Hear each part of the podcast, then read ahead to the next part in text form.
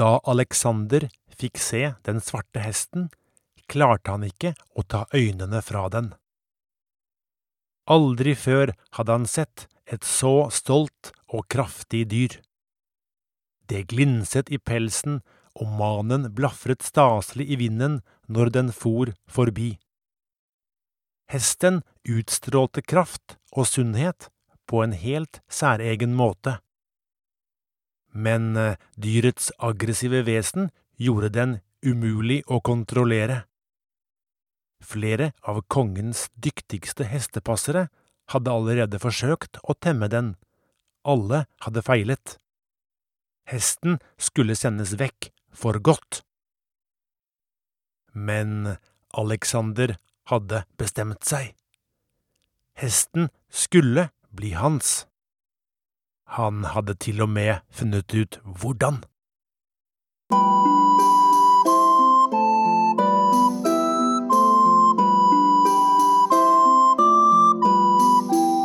Velkommen til Helter og legender fra antikken, en podkast for unge. Episode 24 Alexander den store, del 1 av 3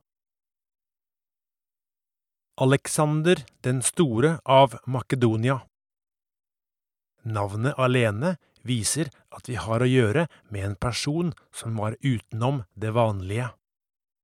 Historien om ham kan fortelles på mange ulike måter. Jeg velger å begynne med slutten.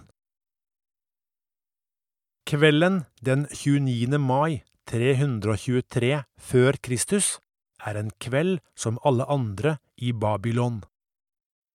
Selv om sola er gått ned, ligger heten som et klamt teppe over den urgamle byen, langt vekk fra Makedonia. Fra de persiske kongelige palassene stiger lukten av røkelse og myrra opp mot de berømte hengende hagene. Men eh, ikke alt er ved det vante. Rundt omkring i byen fester berusede makedonske soldater og gjør gatene utrygge. Noen feirer at de etter elleve år i felten endelig skal få reise tilbake til sitt hjemland. Andre at de snart skal legge ut på et nytt krigstokt mot Arabia. I sentrum av feiringen står Alexander, deres konge og hærfører. Alle hans drømmer har gått i oppfyllelse. Han har lagt under seg alt land, fra dagens Albania i vest til Pakistan i øst. Han er like berømt som sine mytiske forbilder Herakles og Akilles. Han er konge av Makedonia, leder av de greske bystatene, farao og gud i Egypt, perserrikets overmann og herre over rajaene i India. Men Alexander er ikke tilfreds. Trangen han føler inni seg til å nå nye horisonter og legge under seg flere landområder og folkeslag, er ennå sterk. Nye storstilte erobringer er allerede under planlegging. Etter et stort gjestebud hos en av sine offiserer blir Alexander overtalt til å fortsette til en mindre, men mer løssluppen fest. Det blir drukket mer og mer. Kongen bestiller et digert beger med vin, og etter at gjestene har sunget en hyldningssang for ham, tømmer han det under stor applaus. Like etter setter han i et skrik som om han var truffet av et kraftig slag. Vennene sleper den omtåkede kongen til rommet hans i perserkongens gamle palass. Dagen etterpå har Alexander høy feber. Kongen er alvorlig syk. De nærmeste dagene forblir feberen høy, og han tar til seg mindre og mindre mat. Snart har han ikke engang styrke til å reise seg fra sengen. Kreftene ebber sakte, men sikkert ut. Om kvelden den 10. juni dør Alexander av Makedonia. Han ble 32 år. Senere generasjoner ga ham tilnavnet Den store. Vi skal ta for oss viktige hendelser i Aleksanders liv i tur og orden. Følgende er likevel greit å ha klart for seg. Dette er den utrolige historien om kongssønnen fra et lite land utenfor allfarvei, som ryddet alle rivaler av banen, for deretter å erobre og knuse samtidens største og mektigste rike, Perserriket. Til slutt hadde han kontroll over et helt enormt landområde. Det er historien om store slag, vennskap, heltemot og en ukuelig vilje. Men det er også historien om stormannsgalskap, grådighet og enorme lidelser, og en tidlig død. Alexander kom fra Makedonia, et ganske lite land rett nord for de greske bystatene. Størsteparten av området tilhører i dag Hellas. Vi har til nå ikke snakket om Makedonia i podkasten, og grunnen er at det tidlig i antikken ikke spilte noen viktig rolle. Det skal nå endre seg. Makedonerne hadde tett kontakt med flere av bystatene lenger sør, som Aten, Teben og andre, men språket deres var ikke gresk, selv om det antagelig lignet ganske mye. Det at de snakket et annet språk, og ikke hadde så mange flotte byer og bygninger, heller ikke kjente filosofer og forfattere, gjorde at grekerne så på dem som litt ville og usiviliserte. Alexander ble født i år 356 før Kristus. Faren hans, kong Philip 2., var hersker over Makedonia og moren hans het Olympias. Det fortelles at det om natten før Alexander ble født, skal ha vært et voldsomt tordenvær. Av noen ble dette tolket som at Zeus, som styrer lyn og torden, skal ha hatt en finger med i spillet, at gutten kanskje var sønn av selveste gudekongen. Slike legender ble det etter hvert ganske mange av. Med tiden ble det sagt at han også hadde slektsbånd til Akilles og Herakles. Mye tyder på at Alexander, da han ble voksen, forsøkte å etterligne disse mytiske heltene fra fortiden. Kong Philip hadde slåss hardt for kongemakten og ført krig mot nabostater omtrent hele sitt voksne liv. Han var en slåsskjempe og dekket av arr. Han hadde skader i en arm, var halvt på det ene beinet og enøyd. Øyet hadde han mistet etter å ha blitt truffet av en fiendtlig pil. Han var også glad i damer. Han giftet seg hele syv ganger. Philip ønsket ikke bare å ha full kontroll over Makedonia og holde nabofolkene i sjakk. Han hadde mye større ambisjoner enn det. Hovedmålet hans var intet mindre enn å bli herre over alle de greske bystatene. Etter hvert skulle også Alexander få en rolle i å klare denne oppgaven. Som kongssønn vokste Alexander opp under gode forhold. Han slapp å spise enkel mat som grøt med løk og grønnsaker hver dag. Ganske ofte vanket det nok kjøtt av dyr som geit, villsvin og hjort i det kongelige kjøkken. Faren hans sørget for å skaffe gode privatlærere, og Alexander fikk opplæring i hesteridning og kampteknikk, og han ble herdet gjennom løping og marsjering. Men han fikk også undervisning i lesing, skriving og regning, og i tenårene ble han en periode undervist av Aristoteles, en av de aller mest berømte greske filosofene. Han skal også ha vært en talentfull musiker, som kunne spille vakkert på lyre, som er et strenginstrument.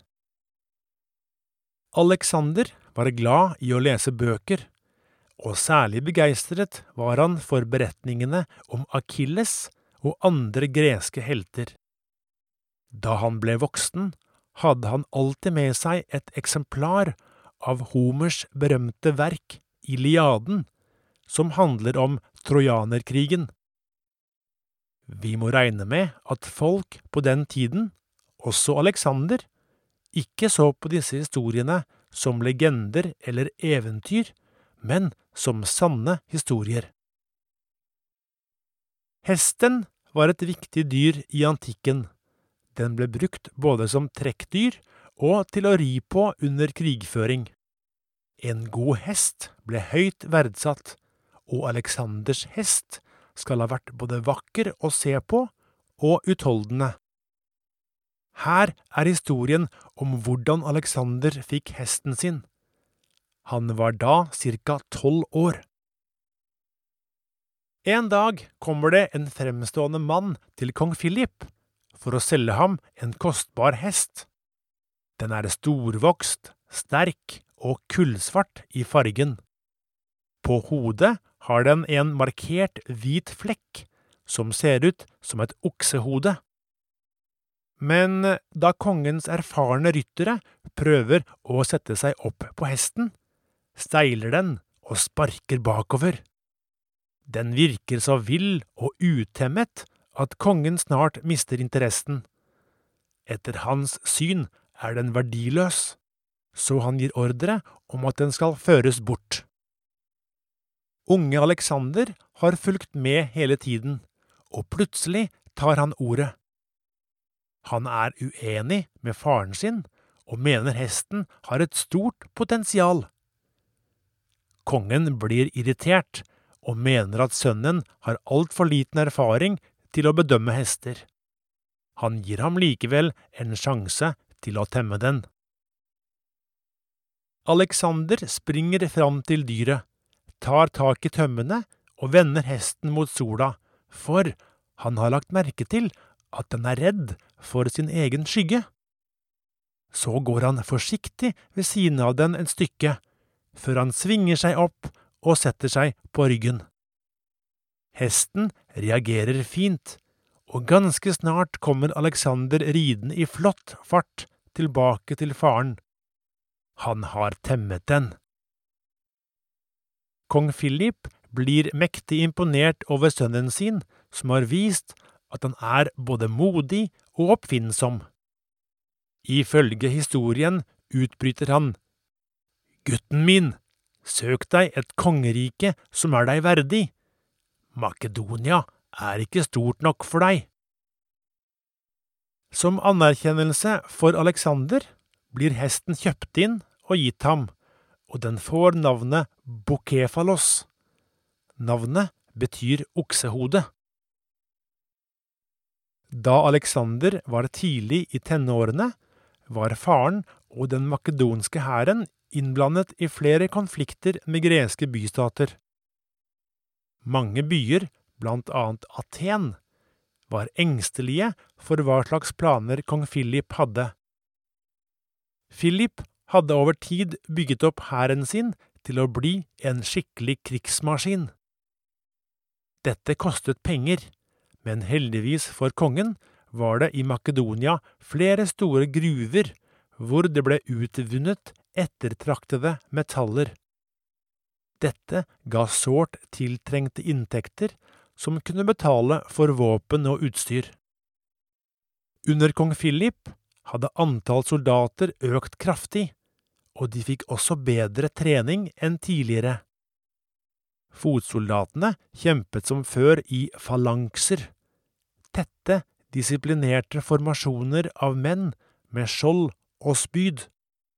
Men spydene hadde blitt forbedret og var nå fem meter lange og med sylskarpe spisser.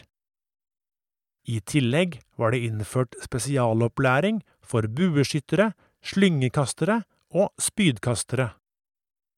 En viktig forbedring var at det ble satset mer på hesteryttere som kunne bevege seg fort rundt på slagmarken. En kriger til hest var utstyrt med hjelm, brystplate av bronse og leggbeskyttere. Bevæpningen besto av et langt spyd og et kort sverd. Aleksanders hestekrigere, kalt kameratkrigerne, skulle vise seg å bli et effektivt våpen som ville avgjøre utfallet av mange slag. Etter flere seire mot greske bystater begynner kong Philip å forstå at målet hans om å dominere hele Hellas er innenfor rekkevidde. Husk også at de greske bystatene var splittet seg imellom. De stolte ofte ikke på hverandre og greide sjelden å samle styrkene sine til én samlet hær. Dette var en stor fordel for den makedonske kongen. Alexander får mer og mer ansvar i krigføringen. Som 18-åring leder han med stor dyktighet en gruppe hesteryttere i et viktig slag. De hogger ned mange fiendtlige soldater, og kong Philip forstår at sønnen har talent for ledelse og krig, og at han er et bra kongsemne.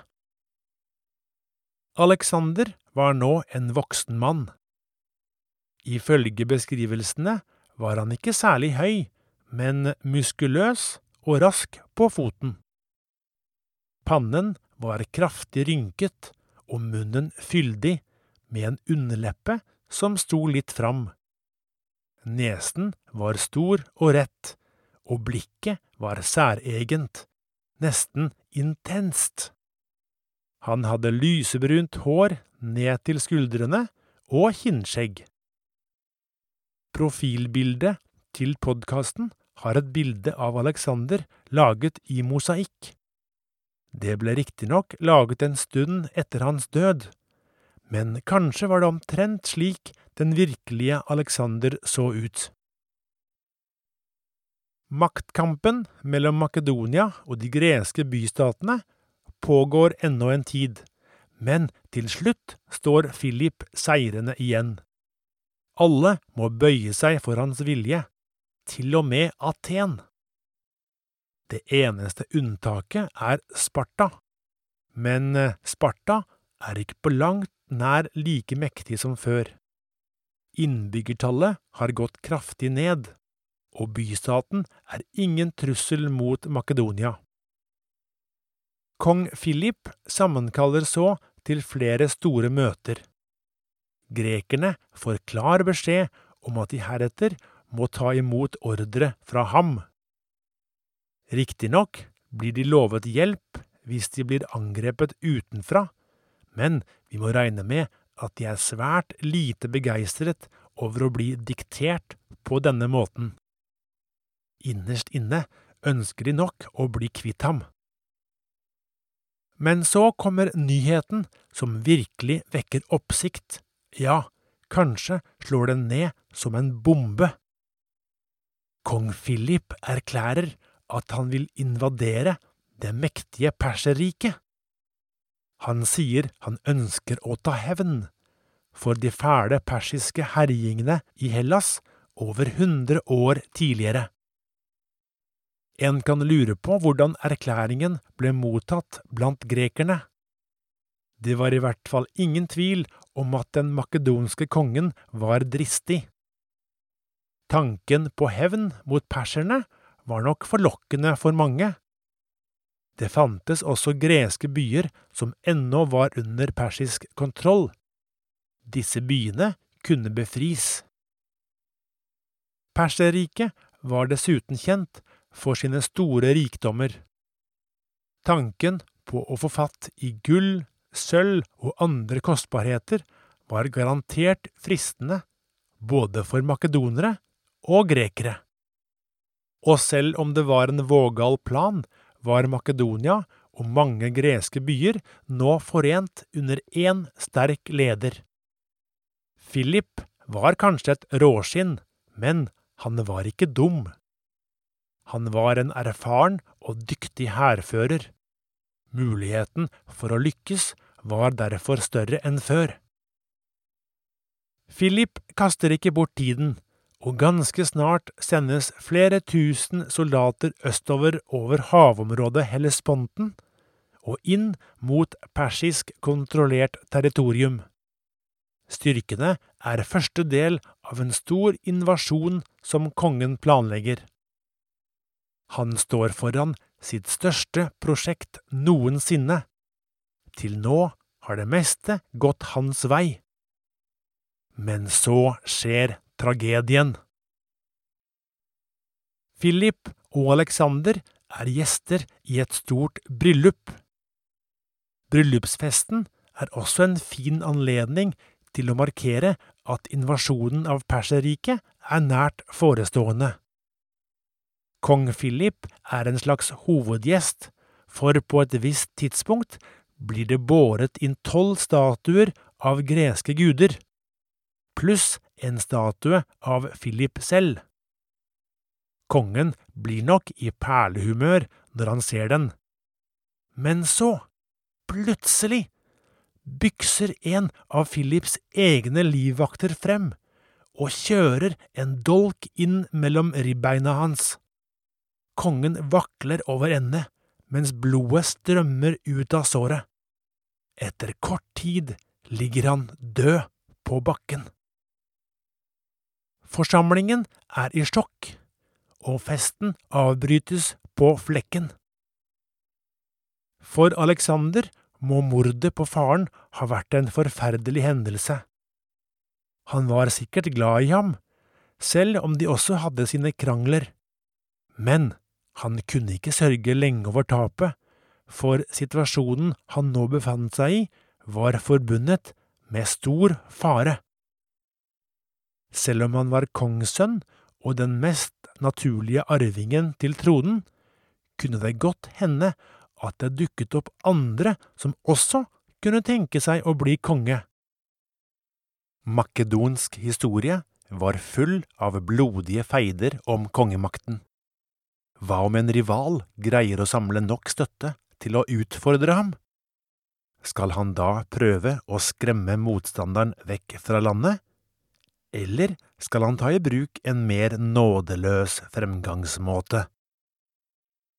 Følg med i neste episode om Alexander den store.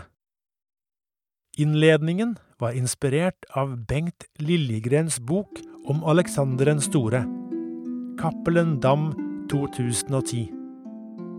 Ha det godt!